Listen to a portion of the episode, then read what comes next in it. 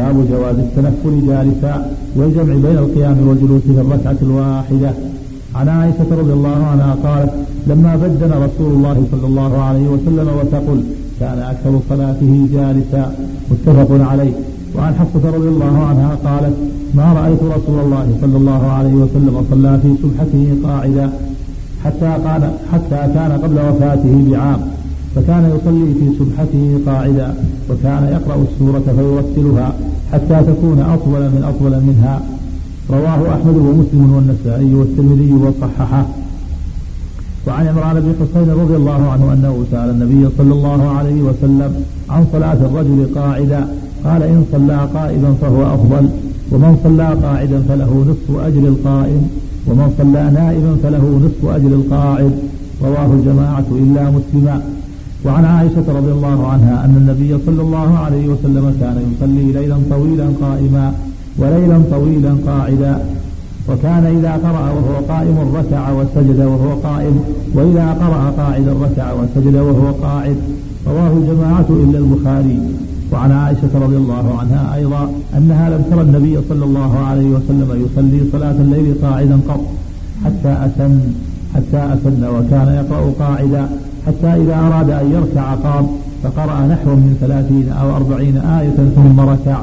رواه الجماعة وزادوا إلا ابن ماجه ثم يفعل في الركعة الثانية كذلك. وعن عائشة رضي الله عنها قالت رأيت النبي صلى الله عليه وسلم يصلي متربعا. رواه الدار قطني. باب النهي عن الصلاة بعد الإقامة. والاحاديث الاخرى في الباب الثاني تدل على أنه لا بأس على المتنفل ان يصلي قاعدا والافضل قائما وان على النصف. إذا صلى قاعدا من دون عذر فهو على النصف من الأجر كما في حديث عمران بن حصين. لكن إذا كان تثاقل عن ذلك وفي عليه الصعوبة فأجره كامل. والنبي صلى الله عليه وسلم يصلي قائما في النافلة فلما ثقل في آخر حياته صار صار يصلي جالسا. وربما صلى أولها جالسا ثم إذا دنا من الركوع قام وقرأ ما يسر الله له ثم ركع. وجاءت النص عائشة رضي الله على أحوال ثلاث. يقرأ جالسا ويركع جالسا في الحالة. الثانية يصلي قائما ويركع قائما. والحال الثالث يجلس ويقرأ ما تيسر ثم يقوم. ويقرأ بعض القراءة ثم يركع وهو قائم. كلها لا بأس بها. أفضلها القيام ثم إذا ثم الثانية يقوم في البعض يعني يجلس ويقرأ بعض القراءة ثم يقوم ويقرأ ما تيسر ثم يركع. والثالثة يقرأ جالسا ويركع جالسا. كل ذلك جائز والحمد لله. والأفضل أن يرفق بنفسه إذا كان جلوسه أرفق بنفسه وأقرب أقرب لخشوعه وتنزله بالصلاة صلى جالسا. وإن صلى قائما وصبر على المشقة في ذلك في طلب الأجر وتجديد الأجر هذا خير عظيم. ولكن فعله صلى الله عليه وسلم يدل على الأمر على أن فيه سعه وأما قوله من صلى نائما قال النصف هذا فيه كلام أهل العلم. قالوا هذا في حق البريق نائما هي مضطجعا. النائم هنا مضطجع. والمراد به المريض فيكون صلاته على النصف إذا كان يستطيع الفعل قائما ولكنه عليه بعض المشقة فيكون على النصف وهكذا القاعد على النصف من القائم. أما إذا كان لا يستطيع فإن صلاته كاملة معلوم صلاته كاملة ولو صلى قاعدا ومضطجعا صلاته كاملة للعذر. لكن التنصيف إذا كان يستطيع لكن تساهل و أو عليه بعض المشقة يستطيع لكن عليه بعض المشقة فصلى على جنبه. في الفريضة هذا هو النص وبكل حال فهو جائز له إذا شق عليه القيام جاز يصلي قائدا وإذا شق عليه القعود جاز يصلي مضطجعا. في الفرض والنهي لكن في الفرض المسألة أشد. في الفرض ينبغي له أن يعتني ويحرص أن يصلي قائما فإن عجز صلى قاعدا فإن عجز صلى مضطجعا. كما قال النبي عمران صلي قائما فإن صلى قائما فإن صلى على جنب. رواه البخاري زاد النسائي فإن لم يكن مستلقيا هذا في الفريضة مع العجز. وفي النافلة الأفضل أن يصلي قائما وإن صلى جالسا فلا بأس ولو كان قادرا الافضل يصلي قائدا في النافلة ويكون له النصف. لكن على جنبه هذا محل نظر هل يجوز يصلي نافلة على جنبه. مشروع أن العلماء لا يصلي على جنبه وإنما جاء هذا في بنين خاصة العاجز.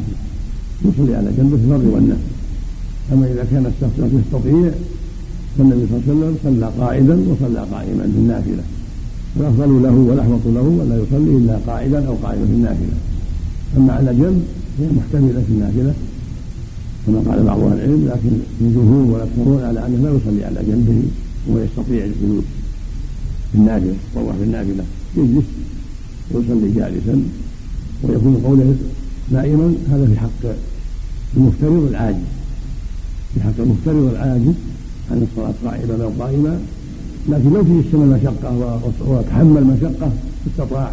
فهذا له العذر يصلي ويكون له النصف كان يعني عنده شيء من قدرة ولكنه يشق عليه. فإذا تحمل وقام هذا أجر كاملة وإن صلى على جنبه لمرض فلا فلا بأس ويكون على النصف لكن إذا كان عاجزا ما يستطيع بكلية أجره كامل يكون أجره كاملا. كما في الحديث الصحيح. إذا مرض العبد وسافر كتب الله له مكان يعمل صحيحا مقيما. والحمد لله. نعم. نعم. تطوع من التطوع نائما. قراءة الحديث على عمومه. ما أعلم هذا إلا لم ينقل عن النبي صلى الله عليه وسلم ما فعله النبي صلى الله عليه وسلم ولا يلزم يكون لم ينقل أن لا يقع. إذا عبر بالنائم يعني مضطجعا. يعني مضطجعا لأنه لا. نعم. لا صلاة له. نعم مضطجع لا عقل له. نعم أقول مضطجع يعني الحديث عام. نعم. لكن الأحوط أن يصلي قاعدا. بدلا من مضطجعا نعم. بالنسبة للفريضة يعني يحمل على من يستطيع. أما الفريضة على عموم الفريضة عجز عن القعود يصلي على جنبه إذا كان عاجزا. يكون على النص يكون على النص يعني في, في الذي يستطيع لكن بمشقة تجشم بمشقة مثل جلسته هذه كانت تربى يجعل يده إلى اليسار ويده اليسار إلى اليمين ويقعد على مقعده هذا التربع غير منصوبتين فجالس جالس التربع افضل نعم.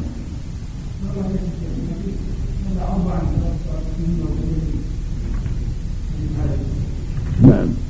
لأن عائشة فسرت هذا قال سلموا كل الليل في الحديث الثاني ونسلم أربعا ونسلم كل يعني يسلم كل الليل ولهذا في الصحيحين قال كان يصلي من الليل ثم ركع واحدة هذا يفسر هذا. نعم.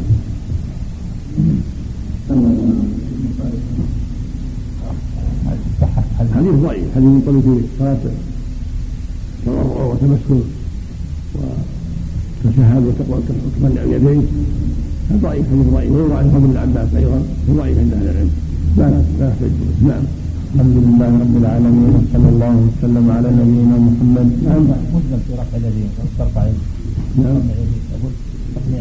لو صح لا لا. فكان الدليل على أن يستحب بعد كل ركعتين يرفع يديه كما يفعله العامة الآن غالبا. لكن الحديث ضعيف. نعم. حديث حديث قال آه وقبل نصف النهار أربع ركعات يجعل التسليم في آخره. هذه هذا هذه هذه في نظر في نظر. من عند عاصم نظره كلام أهل العلم. نعم.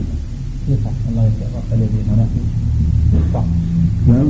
يصح سنة رفع اليدين سنة من أسباب الإجابة.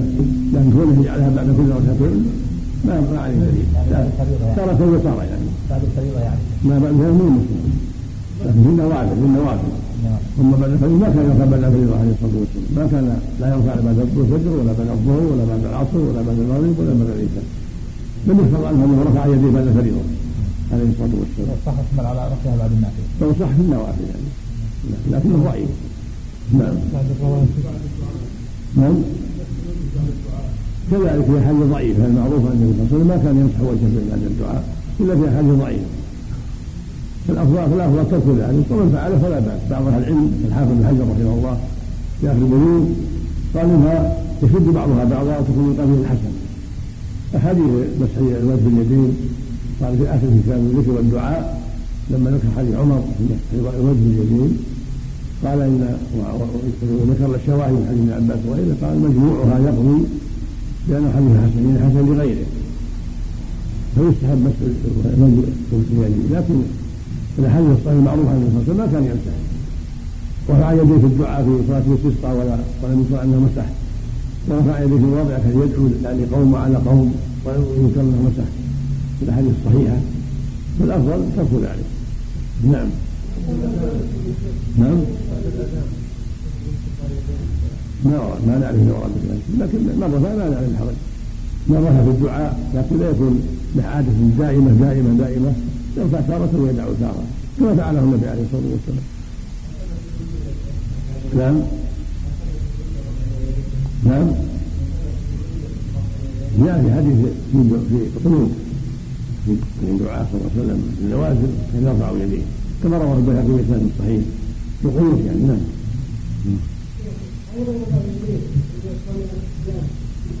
هذا مثل مثل قائم نعم. بسم الله الرحمن الرحيم. الحمد لله رب العالمين والصلاة والسلام على نبينا محمد وعلى آله وصحبه أجمعين. قال مجد بن تيمية رحمه الله تعالى صلى الله عليه وسلم قال إذا أقيمت الصلاة فلا صلاة إلا المكتوبة رواه الجماعة إلا البخاري وفي رواية لأحمد إلا التي أقيمت. وعن عبد الله بن مالك بن محيرة رضي الله عنه. باب النهي عن الصلاة بعد الإمامة عن أبي هريرة رضي الله عنه أن النبي صلى الله عليه وسلم قال إذا أقيمت الصلاة فلا صلاة إلا المكتوبة رواه جماعة من البخاري. وفي رواية لأحمد إلا التي أقيمت وعن عبد الله بن مالك بن محيرة رضي الله عنه أن رسول الله صلى الله عليه وسلم رأى رجلا وقد أقيمت الصلاة يصلي ركعتين. فلما انصرف رسول الله صلى الله عليه وسلم لا الناس فقال له رسول الله صلى الله عليه وسلم آه الصبح أربعة آه الصبح أربعة متفق عليه. باب الأوقات المنهي عن الصلاة فيها. عن أبي سعيد رضي الله عنه أن النبي صلى الله عليه وسلم قال لا صلاة ولا صلاة العصر حتى تغرب الشمس ولا صلاة بعد صلاة الفجر حتى تطلع الشمس متفق عليه. وفي لفظ لا صلاة بعد صلاتين بعد الفجر حتى تطلع الشمس وبعد العصر حتى تغرب. رواه أحمد والبخاري قال عمر بن الخطاب رضي الله عنه أن النبي صلى الله عليه وسلم نهى عن الصلاة بعد الفجر حتى تطلع الشمس وبعد العصر حتى تغرب الشمس. وروى أبو هريرة ذلك متفق عليهما.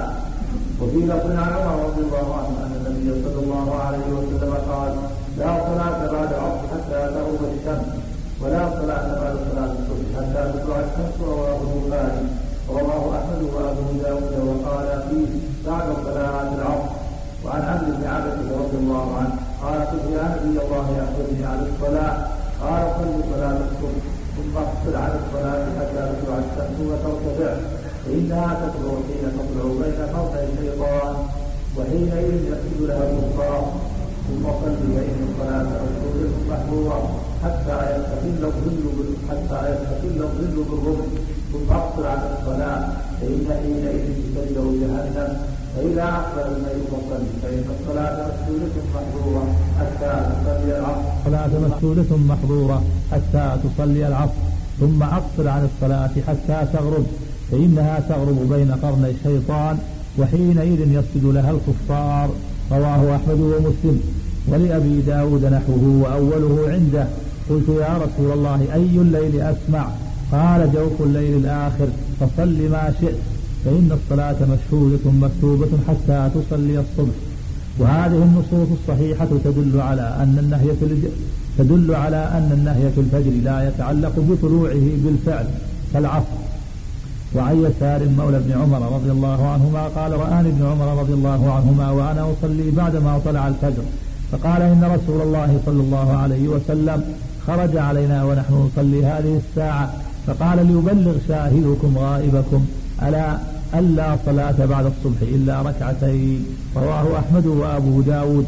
وعن عقبة بن عامر رضي الله عنه قال ثلاث ساعات نهانا رسول الله صلى الله عليه وسلم أن نصلي فيهن أن نصلي فيهن وأن نقبر فيهن موتانا حين تطلع الشمس بازغة حتى ترتفع وحين يقوم قائم الظهيرة وحين تضيف للغروب حتى تغرب.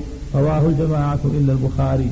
وعن ذكوان مولى عائشة رضي الله عنها أنها حدثت أن رسول الله صلى الله عليه وسلم كان يصلي بعد العصر وينهى عنها ويواصل وينهى عن الوصال. رواه أبو داود. باب الرخصة في إعادة الجماعة. اللهم صل وسلم على رسول الله وعلى آله وصحبه. بعد الحديثان الأولان فيما يتعلق بصلاة النافلة عند إقامة الصلاة. يقول صلى الله عليه وسلم اذا اقيمت الصلاة فلا صلاة إلا المكتوبة. رواه مسلم.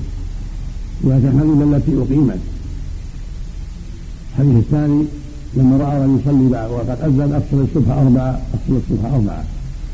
هذا يدل على أن الواجب على على الناس إذا أقيمت الصلاة عدم الدخول في الصلاة وأن يتهيأوا لفريضة. وإذا كان فيها قد دخل فليقطعها حتى يتهيأ لفريضة. لانها عام فلا صلاه الا المكتوبه هذا يعم الصلاه الحاضره التي دخل فيها والتي لم يدخل فيها. ولهذا لما راى من يصلي وهو يقيم قال افصل الصبح اربعا أنكر عليه دل ذلك على انه ينبغي لمن أقيمت الصلاة وهو في صلاة أن يقطعها. اختلف العلماء هل يجب ذلك وتبطل أم يشرع له ذلك ولا تبطل في نفي الكمال لا صلاة كاملة. لأن الرسول ما قال له اقطعها. بل أنكر عليه وسكت أو المعنى أن تبطل بذلك الكلية والمعنى صلاتين مجزئة والنفي لذاتها وأن بمجرد الإقامة بطلت الصلاة. على قول أهل العلم. ونقرب الله أعلم أن المراد أنه لا يجوز له الاستمرار فيها. لا صلاة كاملة. لأنه ما قال بطل الصلاة أو ينصرف منها بل أنكر عليه إنكارا. فيكون يكفي لكمالها مثل لا صلاة بحضرة الطعام ولا هو ذاته الأخبثان هو نفي للكمال ولو صلى بحضرة الطعام صحت صلاته. وهو نفي لكمالها ينبغي أن يقدم الطعام ومتابعة الأخبثين قبل الصلاة. وإذا كان قد صلى ركعة كذلك. أما إذا كان في آخرها الركعة الأخيرة يعني قد ركع الركوع الأخير أو في السجود ما بقي صلاة.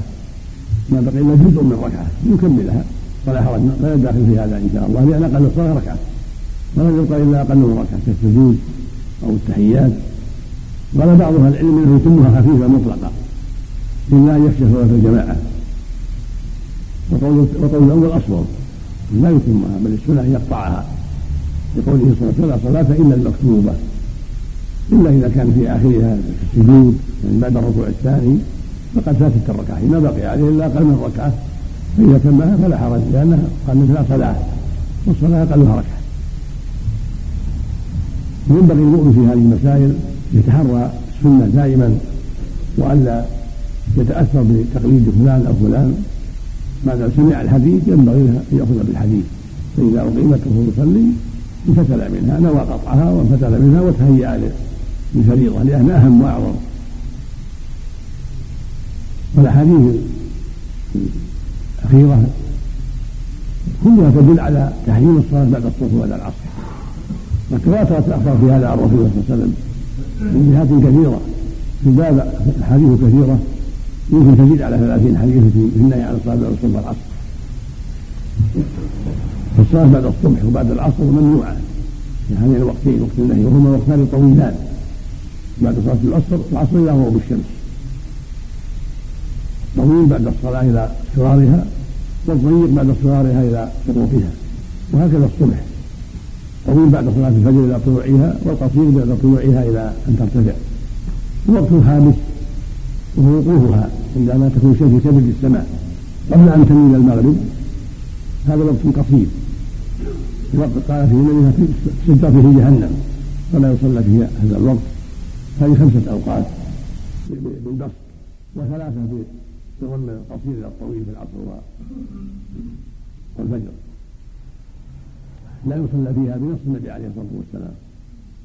وهل يدخل في ذلك ما بين طلوع الفجر إلى صلاه الفجر هذا محل خلاف بين أهل العلم والصواب أنه داخل في ذلك. وقل في حديث عمر بن عباس إذا صليت الصبح فأمسك لا يمنع من المنع قبل الصلاة. لأن جاءت أحاديث تدل على أن بعد طلوع الفجر تنتهي صلاة التطوع. ولا يبقى إلا الفريضة وسنة الفجر. ولهذا قال عليه الصلاة والسلام إن كان صلى الله عليه وسلم إذا طلع الفجر لا يصلي إلا ركعتين خفيفتين سنة الفجر. حديث ابن عمر لا صلاة بعد الفجر إلا سجدتين. يعني سنة الفجر. وفي رواية لفظ عبد الرزاق لا لا صلاة بعد طلوع الفجر إلا ركعتي الفجر. الصواب أن أن النهي يدخل بطلوع الفجر. ولا يستثنى من ذلك إلا ركعتا الفجر. ثم هل تستثنى ذوات الأسباب؟ على قول أهل العلم منهم من استثناها كما هو أبو الشافعي ورواية أحمد وجماعة من أهل العلم من الصحابة ومن بعدهم. من الأحاديث الواردة في ذوات الأسباب وأنها خاصة تخص عموم النهي كحديث يا بني عبد مناف لا تمنعوا أحدا ظاهر بهذا وصلى أية ساعة من من الليل أو نهار؟ رواه أنس بإسناد صحيح. هذا يعم وأنه إذا طاف يصلي صلاة الطواف ولو بعد العصر ولو بعد الصبح وهذا هو الصواب. من ذوات الأسباب مستثناة. وهكذا إذا دخل المسجد يصلي ركعتين. لعمر قول صلى الله عليه وسلم إذا دخل المسجد لا يريد حتى يصلي ركعتين. فإن صلى فليركع ركعتين. ولحديث أنه كان يخطب الناس فدخل يوم الجمعة والنبي يخطب فأمر أن يصلي ركعتين. ومعلوم الناس مأمورون باستماع الخطبة ومع هذا أمره يصليها ولو كان الإمام يخطب. قال عليه الصلاة والسلام إذا جاء أحدهم والإمام يخطب يوم الجمعة فليركع ركعتين وليتجوز فيهما. هذا يدل على تأكدهما وأنها تصلى ولو في وقت النهي كما تصلى وقت الخطبة. وهكذا حديث من توضأ له وضوءا ثم صلى ركعتين. هذا من هذه سنة الوضوء. هكذا صلاة الكسوف إذا كسفت الشمس بعد العصر النبي قال إذا رأيتم ذلك فصلوا. ولم يستثني فدل على أنها كسفت بعد العصر. فيصلى أو كسبت في آخر الليل عند الفجر. كسب القمر. يصلى للعموم. لأن من ذوات الأسباب. هذا هو الأرجح من قول العلماء في هذه المسألة والله أعلم. نعم. نعم. شوف إذا كان بعد صلاة الفجر صلى. يصلى لأنه حتى الآن له سلطان له سلطان ما بعد طلعت الشمس. نعم. مع العموم مع العموم عموم الأدلة. وصلينا هذه السنة في الطائف كسبت الشمس مع الفجر وصلينا بعد طلعت بعد صلاة الفجر. نعم. الله إليك صلاة الوضوء من ذوات الأسباب نعم هذا هذا هو الأقرب والله أعلم استنباط المؤلف. لكن ما قصد ذلك إنما توضأ لحاجة. نعم. استنباط المؤلف رحمه الله. وهذه النصوص الصحيحة تدل على أن النهي في الفجر لا يتعلق بطلوعه بالفعل. يرد عليه وارد لأن هذا الورود بعد صلاة الصبح. ما يمنع ما قبل الصبح. لأن جاء أدلة أخرى تدل على أن ما قبل الصبح كذا وقت النهي إلا في سنة الفجر. بخلاف صلاة العصر. فلا يدخل وقت النهي لا في حق من صلى العصر. لو أنك مثلا في السفر ما صليت إلا بعد ما صلوا الناس أو مريض ما صلى إلا بعد صلاة الناس ما يمنع من صلاة التطوع قبل صلاة العصر. يصلي قبلها ثم يصلي فريضة. يعني يدخل وقت النهي في حقه بعد صلاة العصر. يقول بعد صلاة الناس. نعم. بعد كل واحد بعد صلاته. نعم. نعم. قول كالعصر يعني يجعلهما سواء يعني. لا هو الصواب انها مثل العصر. نعم. الصواب انه يدخل بعد طلوع الفجر ولا يستثنى من ذلك إلا سنة الفجر. أو تحية المسجد. نعم. هذا ما مفهوم تخالف الاحاديث الصحيحه في علي في بعض الروايات والشمس مرتفعه هذا مفهوم مفهوم الرسول صلى الله عليه وسلم لكنه مفهوم يعارض الاحاديث الصحيحه المنطوقة. المنطوق مقدم على المفهوم والذي اصح منه أكثر فلا فلا يعول على هذه الزيادة نعم. الذي يصلي النافلة وأتى الركعة الأولى بعد ثم أقيمت الصلاة. يقطعها نعم يقطعها ويشتغل بالفريضة. نعم. مش فيه يقطعها يقطعها ويصليها بعد الصبح. يصليها بعد الصلاة أو بعد طلوع الشمس. إذا أقيمت يقطعها. إلا إذا كان في آخرها قد ركع الركوع الثاني فلا بأس. نعم. إن شاء صلاها بعد الصلاة وإن شاء صلاها بعد ارتفاع الشمس. مخير. بعد ارتفاع الشمس أفضل إذا تيسر. نعم. نعم. استثنائي ما سمعت هذه. أنت توجس ها؟ تلوت عليكم الاحاديث جزاك الله خير. نعم. بسم الله الرحمن الرحيم. الحمد لله رب العالمين والصلاة والسلام على نبينا محمد وعلى آله وصحبه أجمعين. قال المجد بن تيمية رحمه الله تعالى باب الرخصة في إعادة الجماعة وركعتي الطواف في كل وقت. عن يزيد بن الأسود رضي الله عنه قال شهدت مع النبي صلى الله عليه وسلم حجته فصليت معه صلاة الصبح في مسجد الخير. فلما قضى صلاته انحرف فإذا هو برجلين في أخرى القوم لم يصليا. فقال علي بهما فجيء بهما ترعد فرائصهما فقال ما منعكما أن تصليا معنا؟ فقال يا رس فقال يا رسول الله إنا كنا قد صلينا في رحالنا. قال فلا تفعلا إذا صليتما في رحالكما ثم أتيتما مسجد جماعة فصليا معهم فإنها لكما نافلة. رواه الخمسة إلا ابن ماجه وفي لفظ لأبي داود إذا صلى أحدكم في رحله ثم أدرك الصلاة مع الإمام فليصليها معه فإنها له نافلة. وعن جبير بن مطعم رضي الله عنه أن النبي صلى الله عليه وسلم قال يا بني عبد مناف لا تمنعوا أحدا طاف بهذا البيت وصلى أية ساعة شاء من ليل أو نهار. رواه الجماعة إلا البخاري. وعن ابن عباس رضي الله عنهما أن النبي صلى الله عليه وسلم قال يا بني عبد المطلب أو يا بني عبد مناف لا تمنعوا أحدا يطوف بالبيت ويصلي فإنه لا صلاة بعد الفجر حتى تطلع الشمس ولا بعد العصر حتى تغرب الشمس إلا عند هذا البيت. وعن ابن عباس رضي الله عنهما أن النبي صلى الله عليه وسلم قال يا بني عبد المطلب أو يا بني عبد مناف لا تمنعوا أحدا يطوف بالبيت ويصلي فإنه لا صلاة بعد العصر حتى تطلع الشمس. فإنه لا صلاة بعد الفجر حتى تطلع الشمس ولا بعد العصر حتى تغرب الشمس إلا عند هذا البيت. يطوفون ويصلون. رواه الدار قطني. أبواب سجود التلاوة والشكر. باب مواضع السجود في الحج والصاد والمفصل.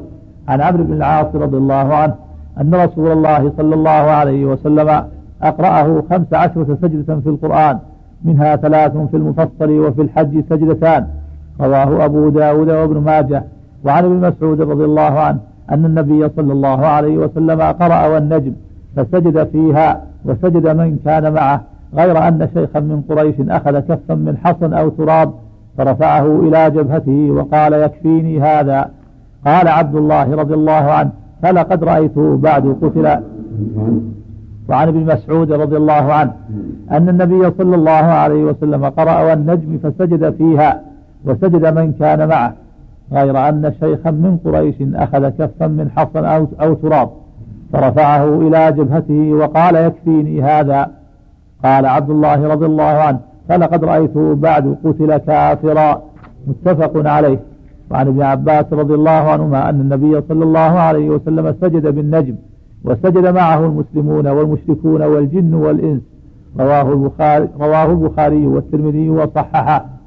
وعن أبي هريرة رضي الله عنه قال سجدنا قال سجدنا مع رسول الله صلى الله عليه وسلم في إذا السماء انشقت واقرأ باسم ربك. رواه الجماعة إلا البخاري.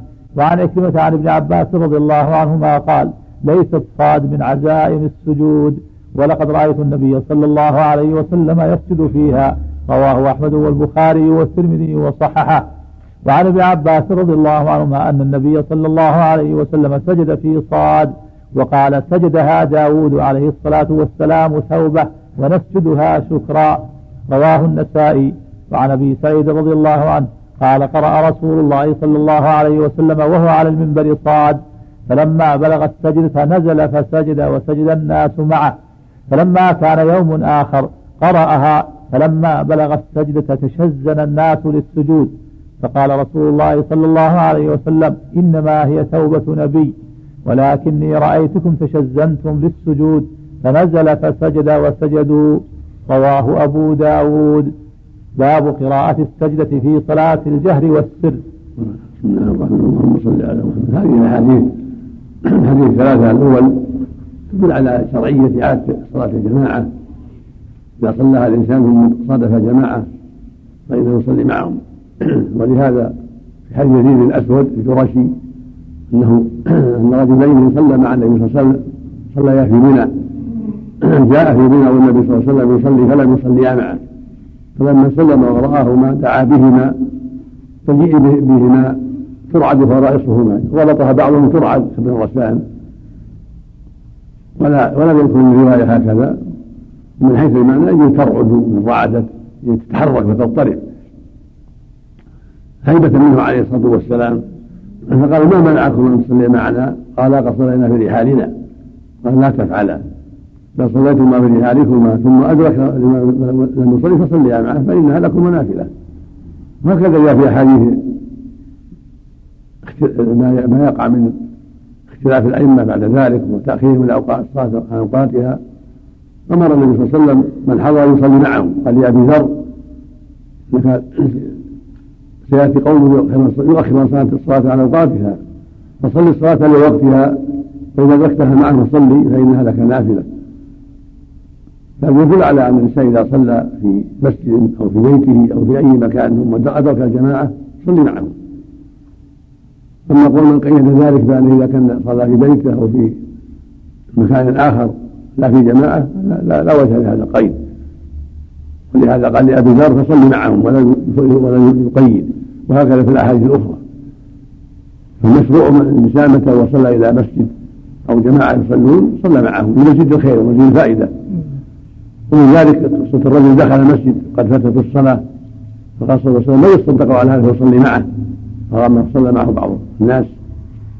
فإعادة الجماعة للمصلحة. لكونه حضر جماعة أخرى أو لكونه جاء إنسان قد فاتته وصلى معه. فيه فيه فيه أجر وفضل.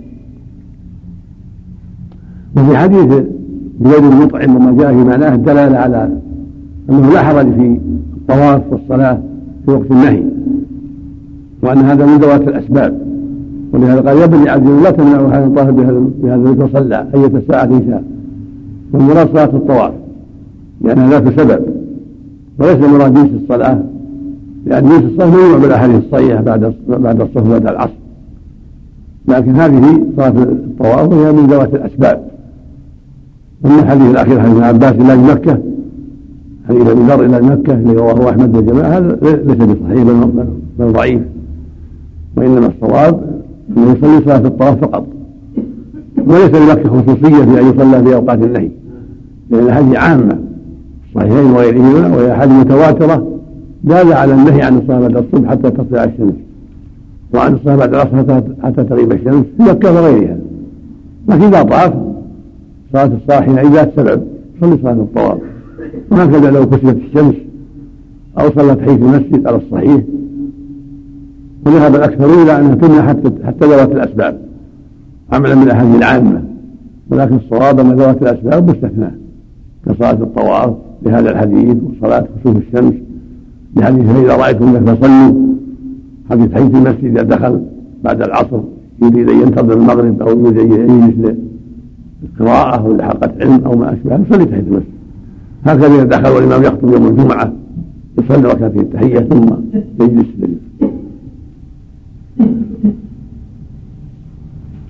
والأحاديث الأخيرة السبعة الأخيرة تدل على شرعية سجدات التلاوة والنكرة للقارئ أن يسجد للتلاوة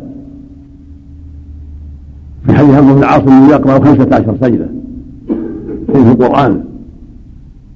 حديث عن عمرو بن العاص فيه بعض الضعف لأن في رواية الحارث بن سعيد العتقي ومجهول لكنه ينجبر بالأحاديث الأخيرة الدالة على شرعية هذه الخمسة عشر.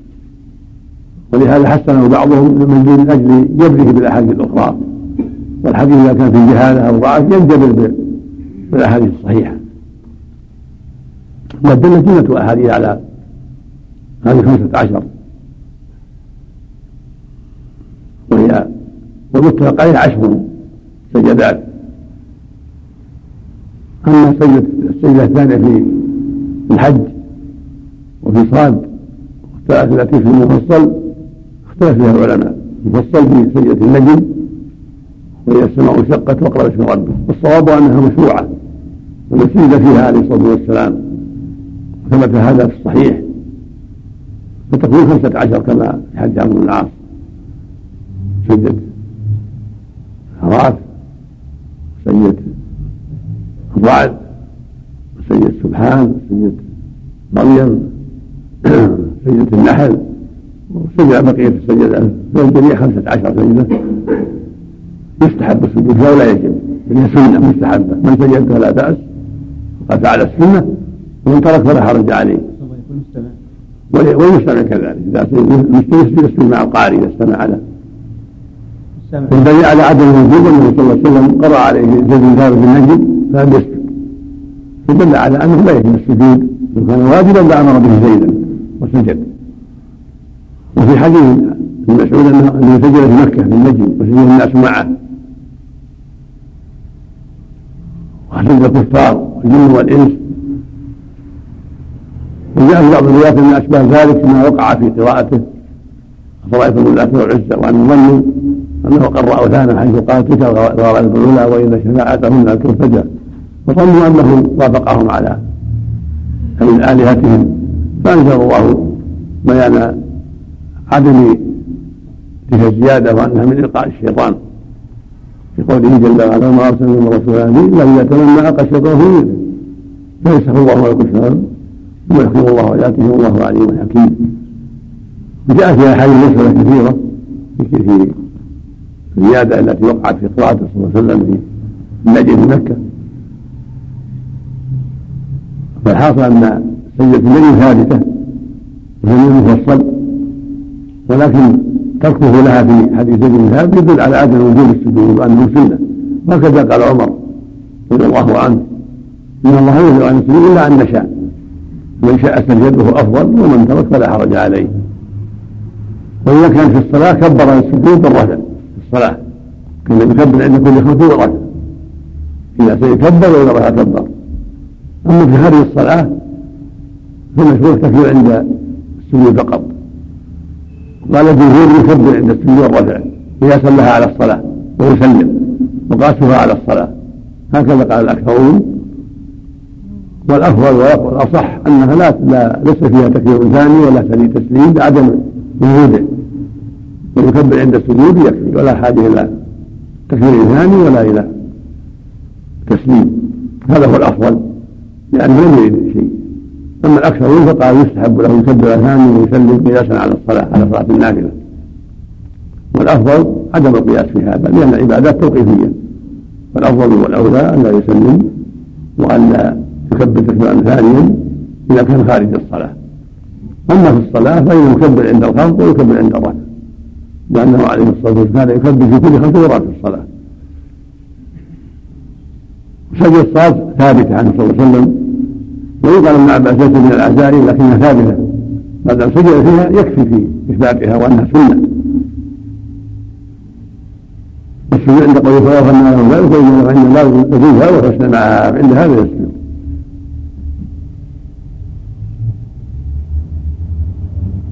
والحديث ابي سعيد انه خطب ونزل وسجد. تدل على أن الخطيب إذا قرأ السجدة يستحب له السجود وإن لم ينزل ولم يسجد فلا حرج. نعم. ما ما لا مستمع مستمع هم اللي ما ما قصد ما مو مشروع نعم. ويقرا عن ظهر القلب وغير متوضئ نعم. يقرأ عن ظهر القلب وغير متوضئ ولو ولو على ولو على يسجد ولو. الصواب إن إنه لا يشترط لها الطهارة التلاوه لا يشترط لها الطهارة فلو قرأه على غير وضوء ومر بالصيدة شرع له السجود على الصحيح. كان ابن عمر يسجدها على غير وضوء وهكذا كان الشعبي رحمه الله تابع جليل اختار الله جمع من أهل العلم في شيخ الإسلام ابن تيمية والجماعة. وقالوا لا يشترط في سجود التلاوه الطهارة. كما لا يشترط في قراءة القرآن الطهارة. إذا كان غير المصحف فإذا قرأ غير المصحف وهو على غير الطهارة سجد. لأن سببها القرآن ليس له لا يشترط لها الطهارة. فهكذا سجود التلاوه لأنها نوع من الذكر نوع من العبادة. ينوي في الصلاة. وتحليل وأما ليس في الصلاة ولكنه خضوع لله وذل بين يديه فسجد سجود التلاوة سجود الشكر ليس صلاة ليس صلاة ولكنه خضوع لله. نعم. مثل سجود الصلاة سبحان ربي الأعلى سبحان ربي الأعلى اللهم لك اسلمت بها أمنت ولك أسلمت. سجد الذي خلقه وصوره وشق سماه وجهه من حوله وقدرات الله أحسن الخالقين. وإن شاء الله عند قراءة محمد الرضا في آخره فلا بأس. مستحب. جاء في بعض الأحاديث أن النبي وسلم سمع شجرة سجد فسجد معه شجرة فسمع تدعو فكان يفعل ذلك رسول الله عليه الصلاة والسلام.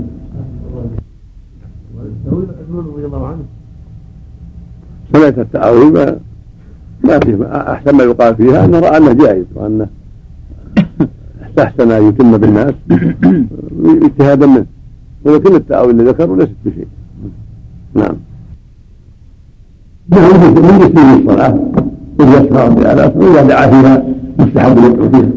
من جسم الصلاة سواء نعم. نعم. تكبير عند أولها بس عند أولها. نعم. نعم. وحضرة الجماعة أفضل نعم. نعم. نعم. أقول اشترط السلام ليس فيها سلام. نعم. نعم كان بني عبد المنع واحد ثبت كان من واحد كان الله السياق لا يوجد في السياق وكان من الله في التنبيه نعم من يقول من العلم رضي الله عنه ما ثبت الا لا لا عشرة سجدات ثابتة ثلاثة خمس بس نعم. والله ليس من عزائم السجود. نعم. يعني مؤكدة لكن الصواب انها من جنس بقية السجدات ما دام ثبت هذه السجدة فيها يكفي صلى الله عليه وسلم إذا كان الجماعة في مدرسة يدرسون درس بعدين حضرت الصلاة قالوا لا يجب عليه يصلي مع الناس. يقطعون القراءة ويصلي مع الناس.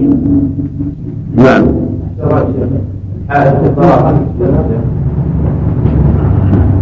من أباح لها القراءة أباح لها السجود إذا قرأت يعني فيها خلاف هل تقرأان وما تقرأان من غير المصحف يعني فمن أباح لهم القراءة أباح لهم السجود على الصحيح لأن من جسم معنى ومن منعه من القراءة منعه من السجود والخير مسلم خلافه في الحي والصواب انه لا منع من قراءتهما لانهم لا يقاسان على الوجود مدة يسير يستطيع الرسل اذا فرغ من حاجته ثم الحي والمساء مدة تطول وليس بايديهم الرسل حتى تنتهي من الدم فالصواب أن لهما القراءة ولهما السجود هذا الصواب نعم. في حلقة حلقة مر عليهم آية القرآن والسنة. يستحب لهم السجود يسير قارئ يسجد يسجد مثل ابن مسعود في بعض الاساس عنده قارئ.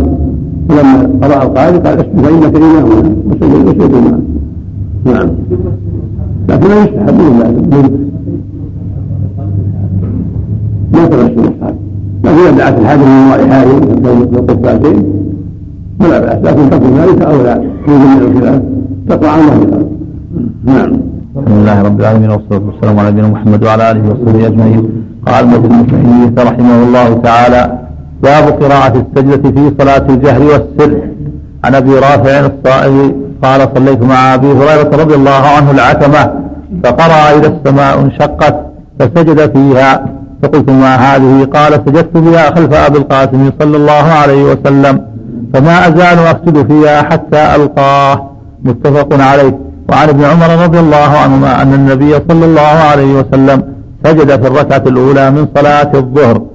فرأى أصحابه أنه قرأ تنزيل السجدة. رواه أحمد وأبو داود. ولفظه سجد في صلاة الظهر ثم قام فركع. فرأينا أنه قرأ ألف لام ميم تنزيل السجدة. باب سجود المستمع إذا سجد التالي وأنه إذا لم يسجد لم يسجد. عن ابن عمر رضي الله عنهما قال كان رسول الله صلى الله عليه وسلم يقرأ علينا السورة فيقرأ السجدة فيسجد ونسجد معه حتى ما يجد أحدنا مكانا لموضع, لموضع جبهته. متفق عليه. ولمسلم في رواية من غير صلاة وعن عطاء بن يسار أن رجلا قرأ عند النبي صلى الله عليه وسلم السجدة فسجد فسجد النبي صلى الله عليه وسلم. ثم قرأ آخر عنده السجدة فلم يسجد فلم يسجد النبي صلى الله عليه وسلم. فقال يا رسول الله قرأ فلان عندك السجدة فسجدت. وقرأت فلم تسجد. فقال النبي صلى الله عليه وسلم كنت إمامنا. فلو سجدت سجدت رواه الشافعي في مسنده هكذا مرسلا. قال البخاري وقال ابن مسعود لتميم بن حذلم وهو غلام فقرأ عليه سجدة فقال اسجد فإنك إمامنا فيها. وعن زيد بن ثابت رضي الله عنه قال قرأت على النبي صلى الله عليه وسلم والنجم فلم يسجد فيها. رواه الجماعة إلا ابن ماجه. ورواه الدار رحمه الله تعالى. باب قراءة السجدة في صلاة الجهر والسر. عن أبي رافع الصائغ قال صليت مع أبي هريرة رضي الله عنه العتمة فقرأ إذا السماء انشقت فسجد فيها. فقلت ما هذه؟ قال سجدت بها خلف أبي القاسم صلى الله عليه وسلم فما أزال أسجد فيها حتى ألقاه. متفق عليه. وعن ابن عمر رضي الله عنهما أن النبي صلى الله عليه وسلم سجد في الركعة الأولى من صلاة الظهر. فرأى أصحابه أنه قرأ تنزيل السجدة رواه أحمد وأبو داود. ولفظه سجد في صلاة الظهر ثم قام فركع. فرأينا أنه قرأ ألف لام ميم تنزيل السجدة. باب سجود المستمع إذا سجد التالي وأنه إذا لم يسجد لم يسجد. عن ابن عمر رضي الله عنهما قال كان رسول الله صلى الله عليه وسلم يقرأ علينا السورة فيقرأ السجدة فيسجد ونسجد معه. حتى ما يجد أحدنا مكانا لموضع, لموضع جبهته متفق عليه.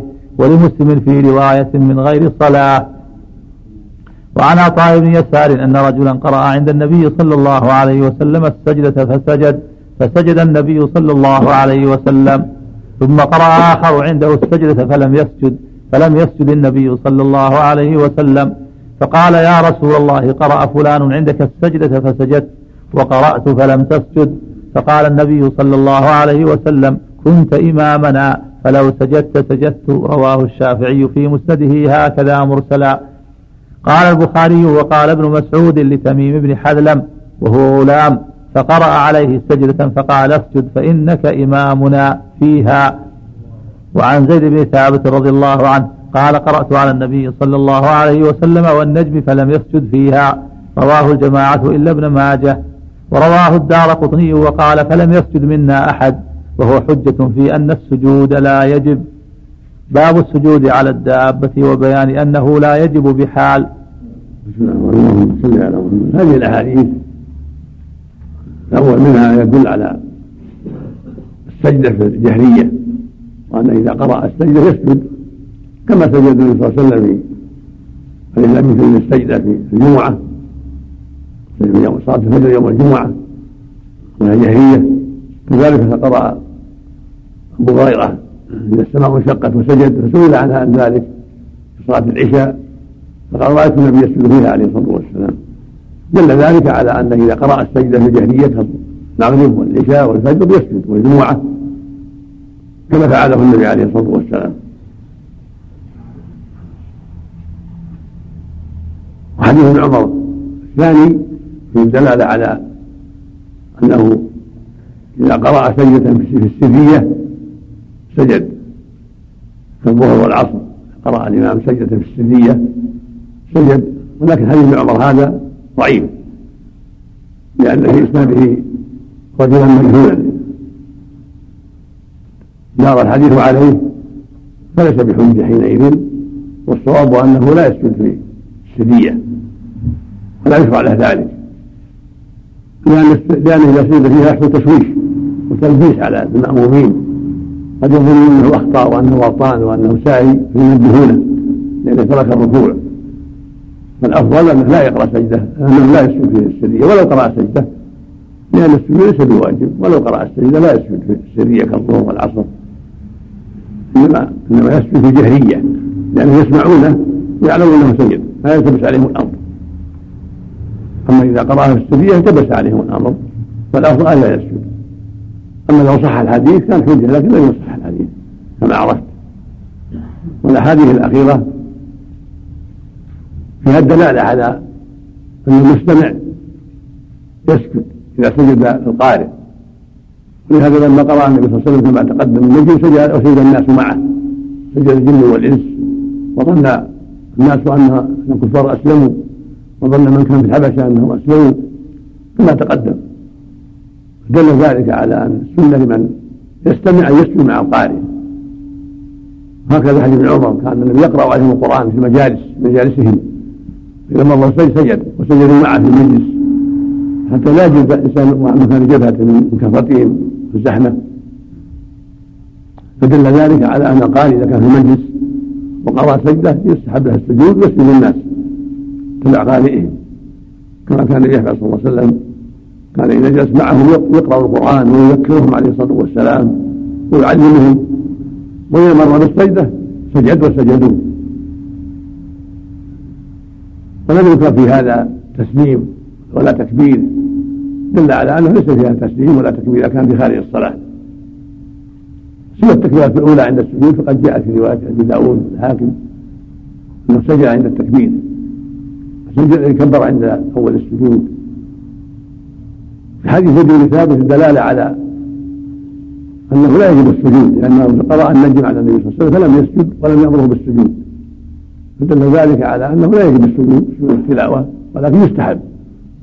وفي حديث بن ثابت هذا وهو في الصحيحين أنه قرأ على النبي النجم فلم يسجد فيها ولم يأمره بالسجود ولو كان واجبا لأمره. فدل ذلك على أنه ليس بواجب ولهذا لم يأمره. وفي حديث عطاء المرسل أنه صلى الله عليه وسلم قرأ عنده القارئ فسجد وسجد معه. ثم قرأ ثم قرأها آخر ولم يسجد فلم يسجد النبي صلى الله عليه وسلم. فقال له القارئ الثاني إنك سجدت مع هذا ولم تسجد ولم تسجد لقراءتك قال إنك لم تسجد ولو سجدت لسجدنا. والحديث مرسل لكن معناه صحيح. كما كان ابن مسعود يأمر. تميم هل لم يقرأ فإذا سجد؟ سجدوا معه وقال إنك إمامنا. فالسنة لمن قرأ ان يسجد والسنة لمن يستمع أن يسجد معه. بما في السجود من الفضل العبادة والقربة إلى الله سبحانه وتعالى. الحديث الأخير بعد مسعود. حديث حديث زيد بن ثابت نعم. حديث زيد بن ثابت اخر وفق الله نعم. الله عنه. كل من سمع هذا نعم. كل من سمع المستمع المستمع المستمع. نعم. نعم. مستحب مستحب. نعم غير الإمام مستحب. نعم. نعم. سجد القارئ. يسجد. نعم. نعم. القارئ. نعم. من اسباب الاختيارات ذكر أن المستمع له أن يسجد ولو لم يسجد القارئ في قول أكثر أهل العلم. ما نعرف لهذا اصل أقول لا نعرف لهذا اصل انما السنة لمن سجد اذا سجد القارئ. اما اذا ما سجد القارئ كيف يسجد الماموم؟ نعم. بسم الله الرحمن الرحيم. الحمد لله. نعم. ما ورد في شيء. يروى عن عائشة لكن ما عليه دليل. نعم. بسم الله الرحمن الرحيم. الحمد لله رب العالمين والصلاة والسلام على نبينا محمد وعلى آله وصحبه وصحبه أجمعين. قال مجد بن تيمية رحمه الله تعالى باب السجود على الدابة وبيان أنه لا يجب بحال. عن ابن عمر رضي الله عنهما أن النبي صلى الله عليه وسلم قرأ عام الفتح سجدة فسجد الناس كلهم منهم الراكب والساجد في الأرض حتى إن الراكب لا يسجد على يده. رواه أبو داود. وعن عمر رضي الله عنه أنه قرأ على المنبر يوم الجمعة سورة النحل حتى جاء السجدة فنزل وسجد وسجد الناس حتى إذا كانت الجمعة القابلة قرأ بها حتى إذا جاء السجدة قال أيها الناس إنا نمر بالسجود فمن سجد فقد أصاب ومن لم يسجد فلا إثم عليه. رواه البخاري. وفي لفظ له إن الله لم يفرض علينا السجود إلا أن نشاء. باب التكبير للسجود وما يقول فيه. عن ابن عمر رضي الله عنهما قال كان النبي صلى الله عليه وسلم يقرأ علينا القرآن فإذا مر بالسجدة كبر وسجد وسجدنا رواه أبو داود. وعن عائشة رضي الله عنها قالت كان النبي صلى الله عليه وسلم يقول في سجود القرآن بالليل سجد وجهي للذي خلقه وشق سمعه وبصره بحوله وقوته. رواه الخمسة إلا ابن ماجه وصححه الترمذي. وعن ابن عباس رضي الله عنهما قال كنت عند النبي صلى الله عليه وسلم فأتاه رجل فقال إني رأيت البارحة في ما يرى النائم كأني أصلي إلى أصل شجرة فقرأت السجدة فسجدت الشجرة لسجودي. فسمعتها تقول اللهم احفظ اللهم احفظ عني بها وزرا واكتب واكتب لي بها عندك أجرا واجعلها لي عندك ذخرا. قال ابن عباس رضي الله عنهما فرأيت النبي صلى الله عليه وسلم قرأ السجدة فسجد فسمعته يقول في سجوده مثل الذي أخبره الرجل عن, عن قول الشجرة. رواه ابن ماجه والترمذي وزاد فيه وتقبلها مني كما تقبلتها من عبدك داود عليه الصلاة والسلام. باب سجدة الشكر بسم الله الرحمن الرحيم. هذه الأحاديث سجود التلاوة سجود الراكب. الحديث الأول عليه وسلم قرأ السجدة وهو على الدابه فسجد وسجد الناس. هذا يدل على شرعية السجود ولو كان راكبا. وهي كالنافلة كما يصلي على الدابة. النافلة هو يعظم من سجود التلاوة كذلك سجود التلاوة. النبي كان يصلي على الدابة. عليه الصلاة والسلام في سيره في أسفاره. عليه الصلاة والسلام صلاة النافلة. إذا جاءت فريق نزل. والسجود التلاوة نافلة فإذا قرأه على الدابة شرع له السجود. لكن الحديث هذا ضعيف لأنه من رواية مصعب بن ثابت وهو ضعف عند أهل العلم. ولكن معناه صحيح ولو كان الحديث ضعيفا معناه صحيح. لأن الرسول صلى على الدابة سجد عليها في الهواء يوم يوم إيماء. فإذا صلى النافع على الدابة ركع في الهواء وسجد في الهواء. وإذا قرأ على الدابة شرع له السجود. وإن كان يستمعه أحد وراءه الدواب أو في السيارة سجدوا كذلك. أمكنهم في السيارة سجدوا في أرضها وإلا سجدوا بالإيمان. وهكذا في الباخرة السفينة والقطار والمراكب الفضائية وما أشبه ذلك. إذا قرأ سجد.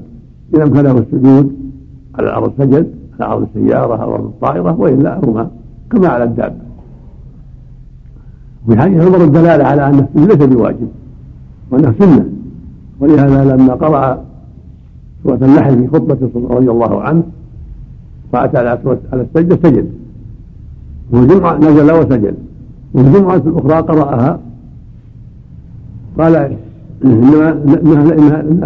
الله لم يغفر لنا أن نشاء. وإننا نمر بالسجود فمن سجد فقد أصاب. ومن يسجد فلا إثم عليه. ثم نزل وسجد. هذا يدل على أن السجود بالعجل إنما هو مستحب. وهكذا فعل النبي صلى الله عليه وسلم في حديث أبي سعيد المتقدم. قرأ المنبر وسجد وقال إنها توبة النبي سجدها داود توبة ويسجدها شكرا. وذكر الجمعة الأخرى لما رآه تهيأ للسجود نزل وسجد عليه الصلاة والسلام. في سورة صاد هذا يدل على أنه يشرع السجود حتى ولو كان على المنبر. ولو كان خطيب يوم الجمعة يشرع له أن ينزل ليسجد فإذا يسجد فلا حرج لأنها نافلة ولو كان المنبر يصلح والمسجد ويصلح السجود سجد عليه وسجد الناس خلفه كما صلى النبي عليه المنبر عليه الصلاة والسلام. واختلف الناس كما تقدم هل هل لابد من طهارة؟ في التلاوة؟ أم يجوز ولو كان على غير الطهارة؟ الجمهور على أنه لا بد من طهارة. لا يسجد إذا كان على الطهاره وانه يسلم يكبر إذا رفع أو يسلم. والصواب أنه لا لا يجب لها الطهارة. كما قال ابن عمر والشافعي وجماعه لو قرأه على غير الطهارة سجد هذا هو الأفضل. لعدم الدليل. ولكن يكبر كما في حديث عمر انه قرأ انه كان يقرأ القرآن عليهم فإذا مر بالسجد كبر وسجد وسجد معه. رواه الحاكم بإسناد جيد. ورواه أبو داود في إسناد عبد الله بن عمر العمري الزاهد ضعيف. ولكن رواية أخيه المكبر المصغر جيدة عند الحاكم. واحتج بذلك على شرعية التكبير عند السجود. وأما عند الرفع فلا يشرع تكبير ولا سلام لعدم وروده عن النبي صلى الله عليه وسلم. هذا كان في خارج الصلاة. أما إذا كان في داخل الصلاة فيكبر عند الخوف والرفع لعمق قول الصحابة كان يكبر في كل خطوة ورفع. إذا سجد في الصلاة كبروا عند السجود وعند الرفع لعموم الأحاديث الدالة على تكبيره صلى الله عليه وسلم في الصلاة في كل خطوة ورفع وفي حديث ابن عباس حديث عائشة حديث عائشة الدلالة على المستحب أن يقول سجود التلاوة سجد الرجل خلقه صوره وشق سمعه وبصره تبارك الله أحسن الخالقين. وهذا من دعاء السجود. ثبت من حديث علي عند مسلم الذي كان يقول في سجوده اللهم لك اسلمت بك امنت ولك أسلمت. سجدت الذي خلقه وصوره شق سموه بحوله تبارك الله احسن الخالقين أو كما جاء في رواية علي رضي الله عنه. وجاء معناه في احاديث يستحب السجود سجود الصلاة سجود التلاوة ان تقول هذا. اللهم لك اسلمت بك آمنت ولك أسلمت. سجد الذي خلقه سواه وشق سموه بحوله تبارك الله احسن الخالقين. ويقول سبحان ربي أعلى سبحان ربي أعلى. كما يقول في سجود الصلاة. ويدعو فيها كما يدعو في سجود الصلاة. وفي حديث ابن عباس أن رجل قال يا رسول الله اني سجدت فسمعت شجرة بقربي تقول سجد رجلي خلق فتقول اللهم احفظ لي عن بها وزرا واجعل هذه الاخرى عندك هذه وتقبلها مني كما تقبلت من عبد عليه السلام. عليه السلام. قال فسمعت النبي يدعو بذلك بعد ذلك بعد بما دعت به الشجره وفي رواية اللهم اكتب لي عندك أيضا وامحاني به عن عن الهجرة. واجعلها عندك ظهرا وتقبلها مني أربع دعوات. رواية احطط رواية اكتب امحو عني بها الهجرة. واجعلها عندك ظهرا وتقبلها مني واكتب لي عندك أجرا. هذا الدعاء. جاء من حديث ابن عباس هذا. ورواه البيهقي من حديث أبي سعيد. وله طرق لا بأس بها. يشد بعضها بعضا. هو جيد حسن. فيستحب الدعاء بهذا. في السجود اللهم اكتب عندك عذرا واحط بها عني وزرا أو عني بها وزرا واجعلها لي عندك ذخرا وتقبلها مني كما تقبلتها من عبد داود عليه السلام. هذا. دعاء حسن. إذا قال في التلاوة حسن. لهذا الحديث وما جاء في معناه. نعم. ذهب إليه بعضهم إذا لم يستطع السجود قالوا يقول سبحان الله والحمد لله والله أكبر. ما أعلم ما بلغني به شيء. ما أعلم بهذا الشيء. ما بلغني ولا أعلم له أصلا. إذا كان الرجل يسوق السيارة مثلا ومر بسجده يوم ايماء فقط يكفي حتى لغيره لكن يسوق السيارة ما يمكن يحط رأسه. اللي غير السيارة يمكن يخفض رأسه. ما هذا خطر لو خفض رأسه. يخرج المسجد غير المسجد يعني مهم من باب مستحب أو في ولا يخاطر لأن السائق على خطر عليه لو تساهل ربما صدم ربما دعس لا ينبغي له السهل في هذا ابدا ينبغي له الحذر نعم نعم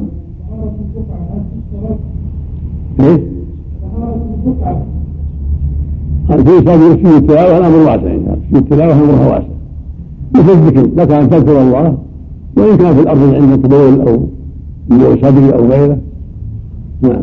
لك من الحمام الله عنك يا نعم. حتى أن الراكب لا يسجد على يده. هو حديث ضعيف. سنة الإمام. هو اليد اليد لا. حديث ضعيف. لكن بالإمام يخفض رأسه ويسجد بالإيمان فقط. لا يحتاج على على يده. لأن الحديث ضعيف نعم.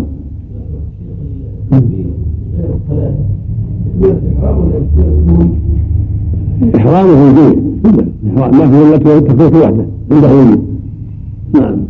الله إذا كان يردد السورة التي فيها السجدة للتعلم فهل يستحب له أن يكون هو خير. وش سجد وإن شاء ما سجد. نعم. لا بد سبحان ربي الاعلى إذا ما في السجود سبحان ربي الاعلى كان يقولها في السجود؟ صلى الله عليه وسلم. نعم.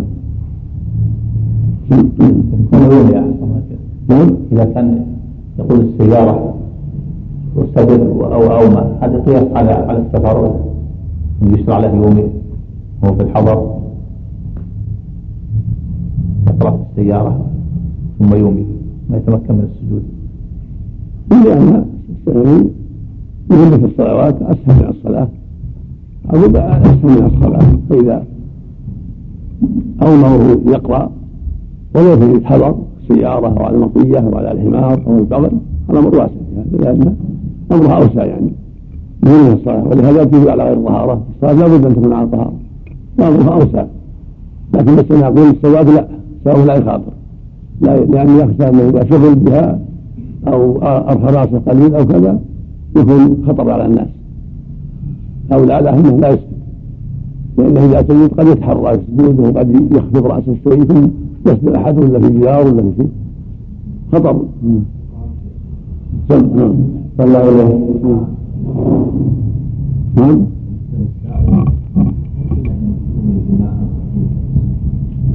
نعم. سمعت يعني حنيفة اللي قلت سمعت كلامه والله أعلم. نعم. نعم. الحمد لله. بسم الله الرحمن الرحيم الحمد لله رب العالمين والصلاة والسلام على نبينا محمد وعلى آله وصحبه أجمعين قال المجد ابن تيمية رحمه الله تعالى باب سجدة الشكر عن ابي بكرة رضي الله عنه ان النبي صلى الله عليه وسلم كان اذا اتاه أمر يسره أو يسر به خر ساجدا شكرا لله رواه الخمسة الا النسائي ولفظ احمد أنه شهد النبي صلى الله عليه وسلم أتاه بشير يبشره بظفر جند له على عدوهم ورأسه في حجر عائشة فقام فخر ساجدا. وعن عبد الرحمن بن عوف رضي الله عنه قال خرج النبي صلى الله عليه وسلم فتوجه نحو صدفته فدخل فاستقبل القبلة فخر ساجدا فأطال السجود ثم رفع رأسه وقال إن جبريل أتاني فبشرني فقال إن الله عز وجل يقول لك من صلى عليك صليت عليه ومن سلم عليك سلمت عليه فسجدت لله شكرا. رواه أحمد. وعن سعد بن أبي وقاص رضي الله عنه قال خرجنا مع النبي صلى الله عليه وسلم من مكة نريد المدينة فلما كنا قريبا من عزوراء من فلما كنا قريبا من عزوراء نزل ثم رفع يديه فدعا الله ساعة ثم خر ساجدا فمكث طويلا. ثم قام فرفع يديه ساعة ثم خر ساجدا فعله ثلاثا وقال إني سألت ربي وشفعت لأمتي فأعطاني ثلث أمتي فخررت ساجدا لربي شكرا. ثم رفعت رأسي فسألت ربي لأمتي فأعطاني ثلث أمتي فخررت ساجد فخررت ساجدا لربي شكرا. ثم رفعت رأسي فسألت ربي لأمتي فأعطاني الثلث الآخر فخررت لربي ساجدا. رواه أبو داود. وسجد أبو بكر رضي الله عنه حين جاءه قتل مسيلمة رواه سعيد. وسجد علي رضي الله عنه حين وجد حين وجد ذا السدية في الخوارج. رواه أحمد في مسنده. وسجد كعب بن مالك رضي الله عنه في عهد النبي صلى الله عليه وسلم لما بشر بتوبة الله عليه. وقصته متفق عليها. أبواب سجود السهو. أما بعد هذه الأحاديث والآثار كلها تتعلق بسجود الشكر. وسجود الشكر مستحب مثل سجود التلاوة. إذا بشر المؤمن بما يسره شرع له سجود الشكر. ذكر المؤلف عدة أخبار منها سجوده صلى الله عليه وسلم لما بشر الفتح على جند من جنوده منها سجوده لما قال الله له إن من صلى عليه صلى الله عليه ومن سلم عليه سلم الله عليه. منها سجوده لما قبل الله شفاعته في أمته. وإن كان في اساليبها بعض الضعف لكنها يشد بعضها بعضا ويصدق بعضها بعضا ولها شواهد. هو دليل على شرعية سجود الشكر عندما تجد نعمة يبشر بها المؤمن من فتح إسلامي أو إسلام من له أهمية في إسلامه أو نعمة يسوقها الله إليه أو شر يقيه الله إياه من غرق وحرق ونحو ذلك. وشكر لله. فيقول في السجود مثل ما يقول في سجود الصلاة. رب الأعلى رب الأعلى ويحمد الله ويثني عليه ويسأله من فضله جل وعلا. وفي بعض الروايات حديث عبد الرحمن إن من صلى عليك صليت عليه عشرا من صلى عليك صليت عليه عشرا وهذا ثابت في الأحاديث الصحيحة. صلى عليها صلى الله عليه بعشرا كما في الحديث الصحيح عند مسلم. وهكذا من سلم عليه حسن بعشر أمثالها. صلى الله عليه وسلم يشفع لأمته يوم القيامة وشرع لهم في الدنيا ودعا لهم في الدنيا. والله وعده أن يرضيه في أمته.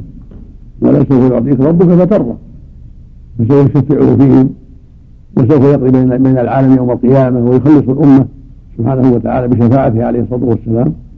ويشفع في أهل الجنة حتى يدخلوا الجنة ثم طلبه الدنيا يحققه الله له في الآخرة. إلا من منعه القرآن من كفر بالله فهذا إلى النار نسأل الله العافية. وهكذا العصاة الذين ماتوا على معاصيهم الكبيرة هؤلاء تحت مشيئة الله.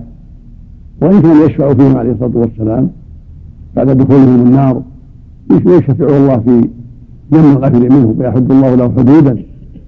من دخل النار من المعاصي فيخرج من النار بشفاعته عليه الصلاة والسلام.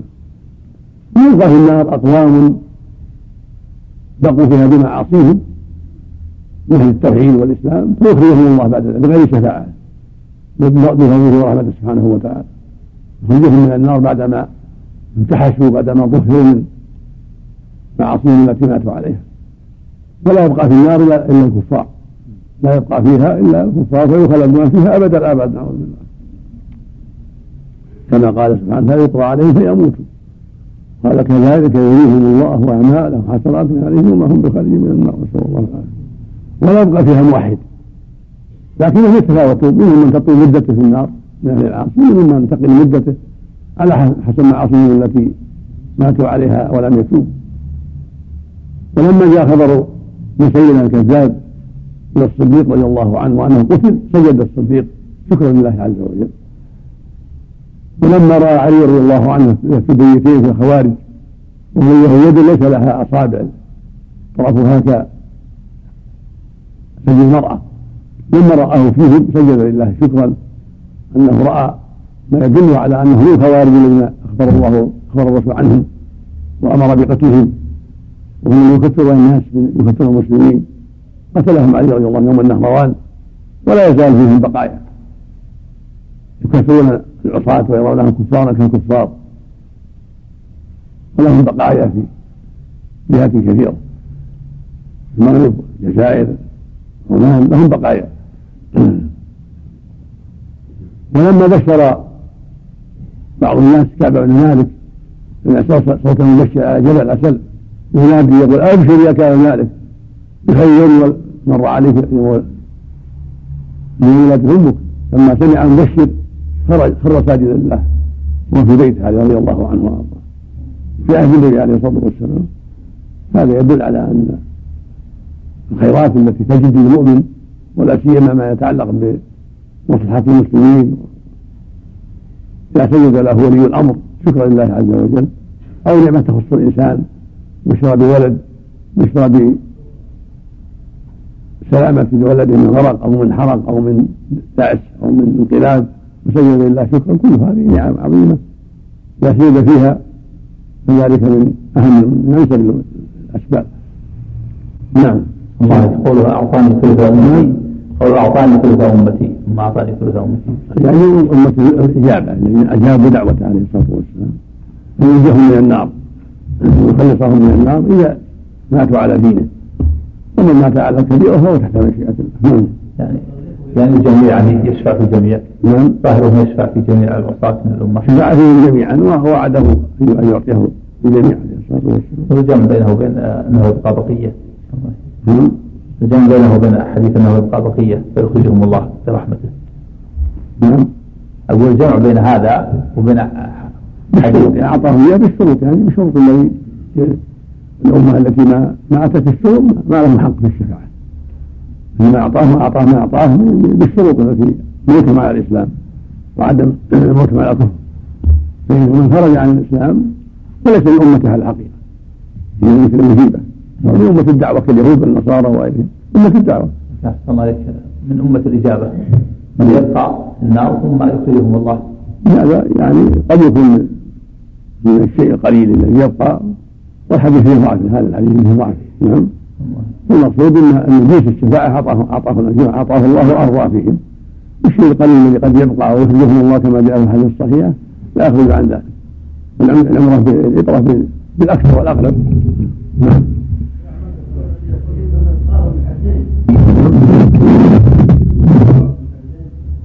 يسجد التلاوة ما يلزم. يسجد ولو على غير وضوء. سجود الشكر والتلاوة لا يحتاج لا يحتاج إلى وضوء. ولو سجد بغير وضوء لا بأس. سجود التلاوة والشكر جميعا. أما سجود الصلاة وسجود السهو هذا لابد من طهارة. نعم. قال المجد بن تيمية رحمه الله تعالى أبواب سجود السهو. باب ما جاء في من سلم من نقصان. عن ابن سيرين عن أبي هريرة رضي الله عنه قال صلى بنا رسول الله صلى الله عليه وسلم إحدى صلاتي العشي. فصلى ركعتين ثم سلم فقام إلى خشبة معروضة في المسجد فاتكع عليها كأنه غضبان. ووضع يده اليمنى على اليسرى وشبك بين أصابعه ووضع خده الأيمن على ظهر كفه الأيسر وخرجت السرعان من أبواب المسجد. فقالوا قصرت الصلاة. وفي القوم أبو بكر وعمر رضي الله عنهما فهابا أي فهاباه أن يكلماه وفي القوم رجل يقال له ذو اليدين. فقال يا رسول الله أنسيت أم قصرت الصلاة؟ فقال لم أنس ولم تقصر. فقال أكما يقول ذو اليدين؟ فقالوا نعم. فتقدم فصلى ما ترك ثم سلم ثم كبر وسجد مثل سجوده أو أطول ثم رفع رأسه وكبر ثم كبر وسجد مثل سجوده أو أطول ثم رفع رأسه وكبر فربما سألوه ثم سلم. فيقول فيقول أنبئت أن عمران بن حسين رضي الله عنه قال ثم سلم. متفق عليه. وليس للمسلم فيه وضع اليد على اليد ولا التشفي. وفي رواية قال بينما أنا أصلي مع النبي صلى الله عليه وسلم صلاة الظهر سلم من ركعتين فقام رجل من بني سليم فقال يا رسول الله أقصرت الصلاة أم نسي؟ وساق الحديث رواه أحمد ومسلم. وهذا يدل على أن القصة كانت بحضرته وبعد إسلامه.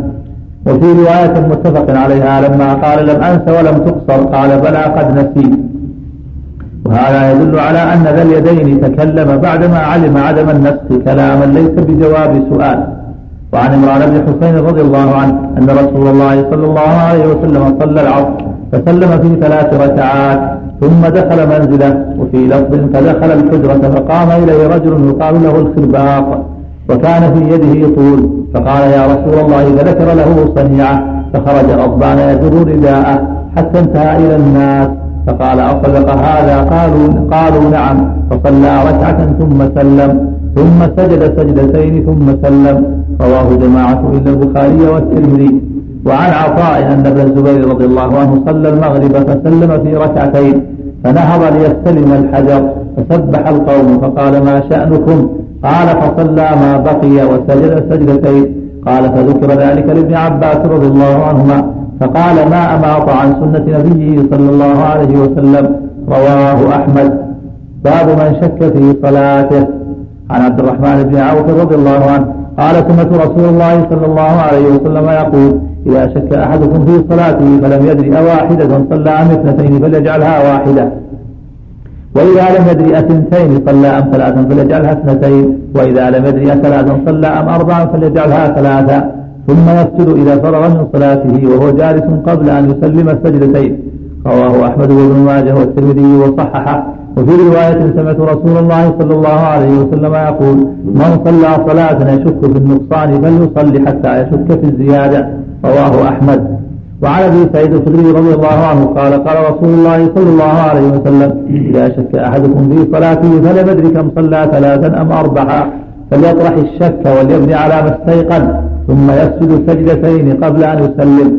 فإن صلى خمسا شفعن له صلاته. وإن كان صلى إتماما لأربع كانت ترغيما للشيطان. رواه أحمد ومسلم. وعن إبراهيم عن علقمة عن ابن مسعود رضي الله عنه قال صلى النبي صلى الله عليه وسلم. قال إبراهيم زاد أو نقص. فلما سلم قيل يا رسول الله حدث في الصلاة شيء؟ قال لا وما ذاك؟ قالوا صليت كذا وكذا. فثنى رجليه واستقبل القبلة فسجد سجدتين ثم سلم. ثم أقبل علينا بوجهه فقال إنه لو حدث في الصلاة شيء أنبأتكم به ولكن إنما أنا بشر أنسى كما تنسون. فإذا نسيت فذكروني وإذا شك أحدكم في صلاته فليتحرى الصواب فليتم عليه ثم ليسلم ثم ليسجد سجدتين. رواه جماعة إلا الترمذي. وفي لفظ ابن ماجه ومسلم وفي وفي لفظ ابن ماجه ومسلم ومسلم ومسلم في رواية ومسلم في رواية فلينظر أقرب ذلك إلى الصواب.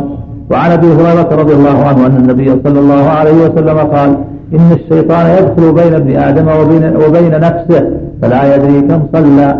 فإذا وجد أحدكم ذلك فليسجد سجدتين قبل أن يسلم رواه أبو داود وابن ماجه وهو لبقية الجماعة إلا قوله قبل أن يسلم. وعن عبد الله بن جعفر رضي الله عنه أن النبي صلى الله عليه وسلم قال من شك في صلاته فليسجد سجدتين بعدما يسلم. رواه أحمد وأبو داود والنسائي. باب أن من نسي التشهد الأول حتى انتصب قائما لم يرجع. اللهم صل على محمد هذه الأحاديث الثلاثة الأولى حديث أبي هريرة حديث الله بن حسين وعمل بن الزبير. كلها تدل على أن المصلي إذا سلم عن نقص ثم نبه أو تنبه فإنه يكمل صلاته ولا يعيد أولها. صلاته صحيحة لأجل السهو. وهذا من رحمة الله جل وعلا سبحانه وتعالى. ربنا لا تؤاخذنا إن نسينا أو أخطأنا والنبي صلى الله عليه وسلم هو أفضل الخلق. قال إنما أنا بشر أنسى كما تنسون فالنسيان يجري على الأنبياء وعلى غير الأنبياء.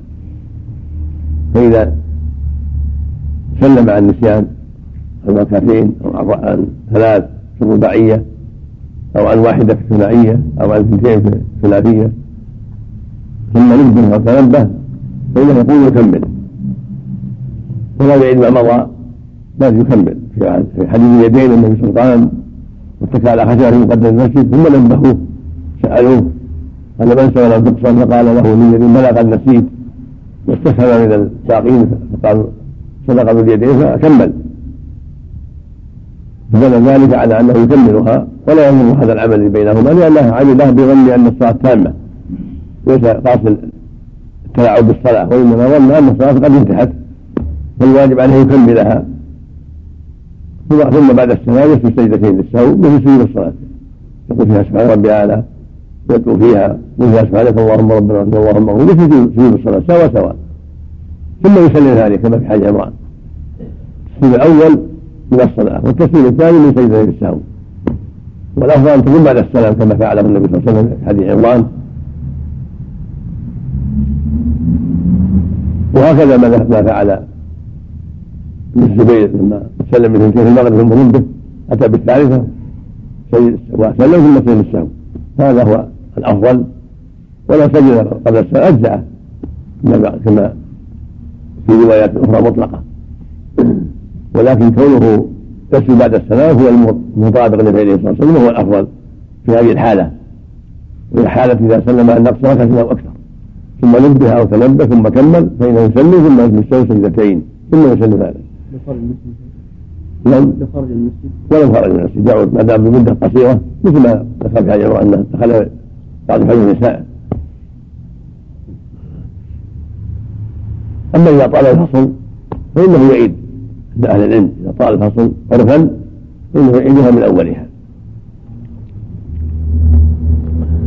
اختصار على ما ورد. اللي ورد شيء يسير ويعفى عنه ويكمل. أما إذا طال الفصل فإنه يعيد الصلاة كلها. وفي الاحاديث الأخيرة أربعة حديث عبد الرحمن بن عوف حديث ابي سعيد عبد الله بن جعفر والحديث الرابع كلها دالة على أنه إذا شك في الصلاه يمنع اليقين. حديث مسعود يدل على أنه يتحرى اقرب اقرب إلى الصواب. فإذا كان شك مستوي الطرفين أو يغلب عليه أنه ناقص منع اليقين. إذا شك هذه اثنتين حصلت منها ثلاثة بجاها اثنتين وإذا شك هي اثنتين حصلت منها ثلاثة جاها وإذا شك حصلت ثلاثة أربع جاها ثلاث. يبيع اليقين يعني على الأقل. ثم يكمل ثم يسجد الصوت قبل أن يسلم. كما صريح حديث الله بن عوف حديث ابي سعيد. فيعمل بالاقل احتياطا للصلاة ويكمل ثم يسجد قبل أن يسلم. كما في كما يأتي اذا ترك التشهد الأول ناسيا يسجد قبل أن يسلم أيضا كما يأتي.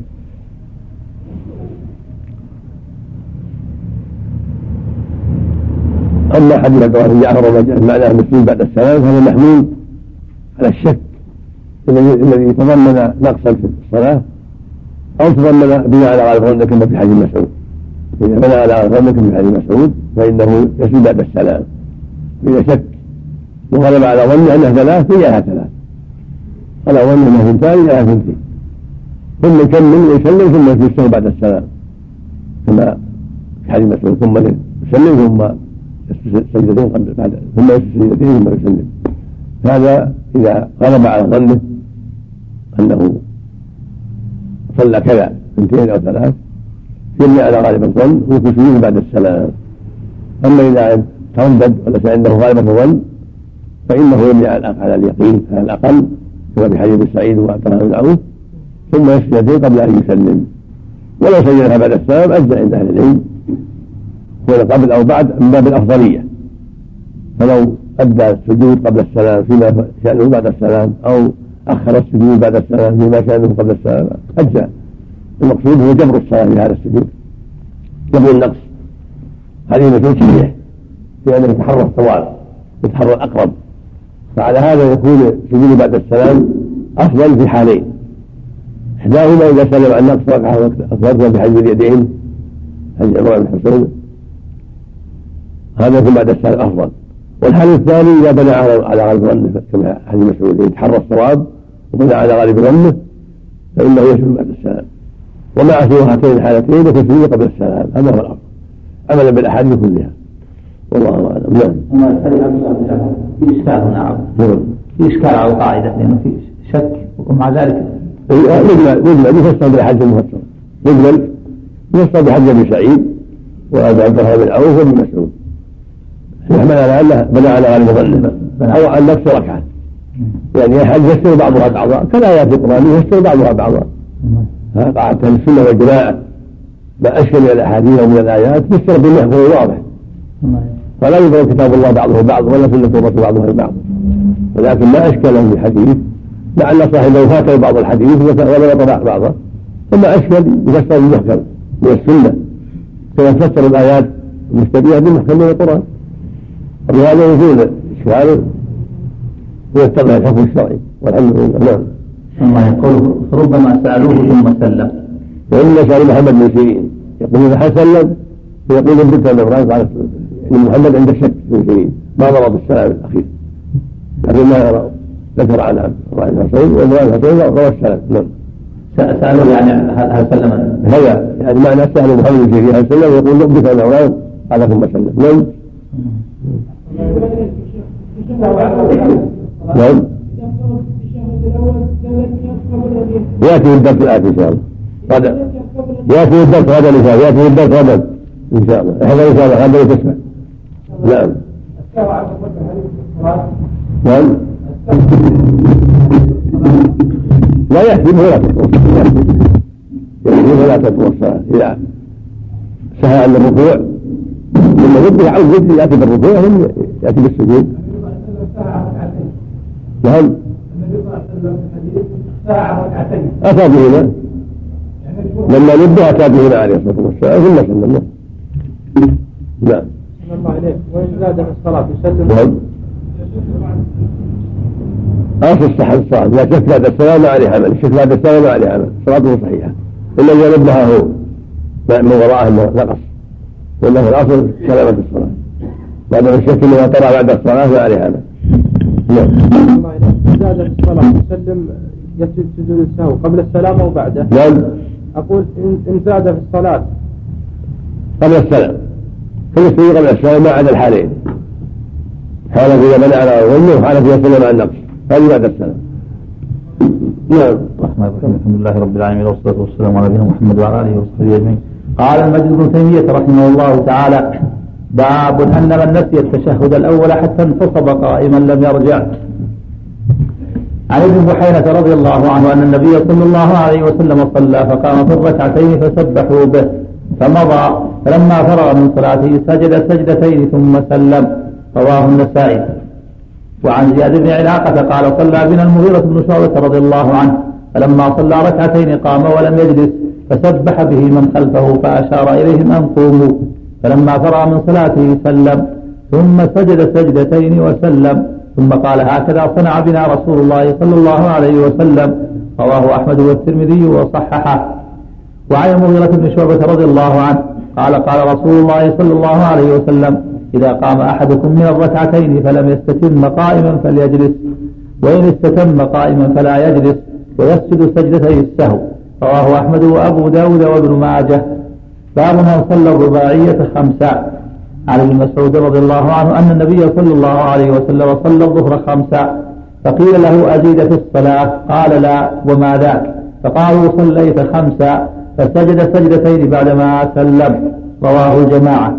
باب التشهد بسجود السهو بعد السلام. عن عمران بن حسين رضي الله عنه أن النبي صلى الله عليه وسلم صلى بهم فسهى فسجد سجدتين. ثم تشهد ثم سلم. رواه أبو داود والترمذي. أبواب صلاة الجماعة. ذكر المؤلف رحمه الله في الشهد الأول نسيه المصلي ثلاث أحاديث حديث من بحينه وحديثي المغيرة. وهي تدل على حديث وحديث ابن بحينه رواه الشيخان صحيحين وروى غيرهما لكن تفرع النسائي هنا اللي جاء فيه وسبحوه لما قال سبحوه فلم يرجع. فهي تدل على أن من نسي الشهاد الأول واستتم قائما فإن السنة أن يمضي ويقومون الجماعة وإذا انتهى يسجد الشهر سجدتين قبل أن يسلم. كما في الصحيحين من حديث المحينة أما لو انتبه قبل أن يستلم قائما فإنه يرجع. انتبه أو نبه يرجع ويتشهد.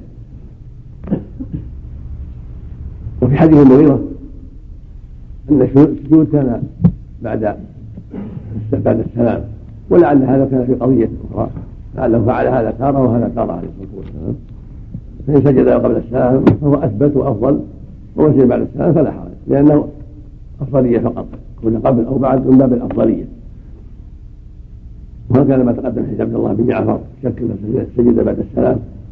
كل هذا يدل على التوسعة في الأمر ولكن حديث ابن بحيرة أثبت وأصح فيكون قبل السلام أفضل. إذا ترك الشهادة الأول ناسيا يكون سجوده قبل السلام أفضل وإن أخره جاز ذلك. والإمام يشير لهم إذا قام ولم يقوم يشير أن يقوموا يسبحوا معه حتى يعلموا الحكم. ولا يجلسوا ولا يكملوا هم بل يقومون كما أشار إليه المغيرة. وفي حديث مسعود الدلالة على أن إذا زاد ركعة ولم ينبه فإن صلاته صحيحة وعليه سجود السهو إذا نبه ولو بعد السلام ابن مسعود فإنه في حديث مسعود أنه قام إلى الخامسة. وصلى خمسا وظنوا أن الصلاة قد غيرت فلما سلم سألوه هل حدث الصلاتين؟ قال لا. لو حدث شيئا بأتكم به. فقال لك صليت خمسا فاستقبل القبلة واستجد إليه السهو. وبين صلى الله عليه وسلم بشر ينسى كما ينسون قال إذا نسيت فذكروني. فدل ذلك على أن من سلم عن خمس في الرباعية أو عن أربع في الثلاثية أو عن ثلاث ثنائية كالفجر صلاته صحيحة لأنه لم يتعمد الزيادة.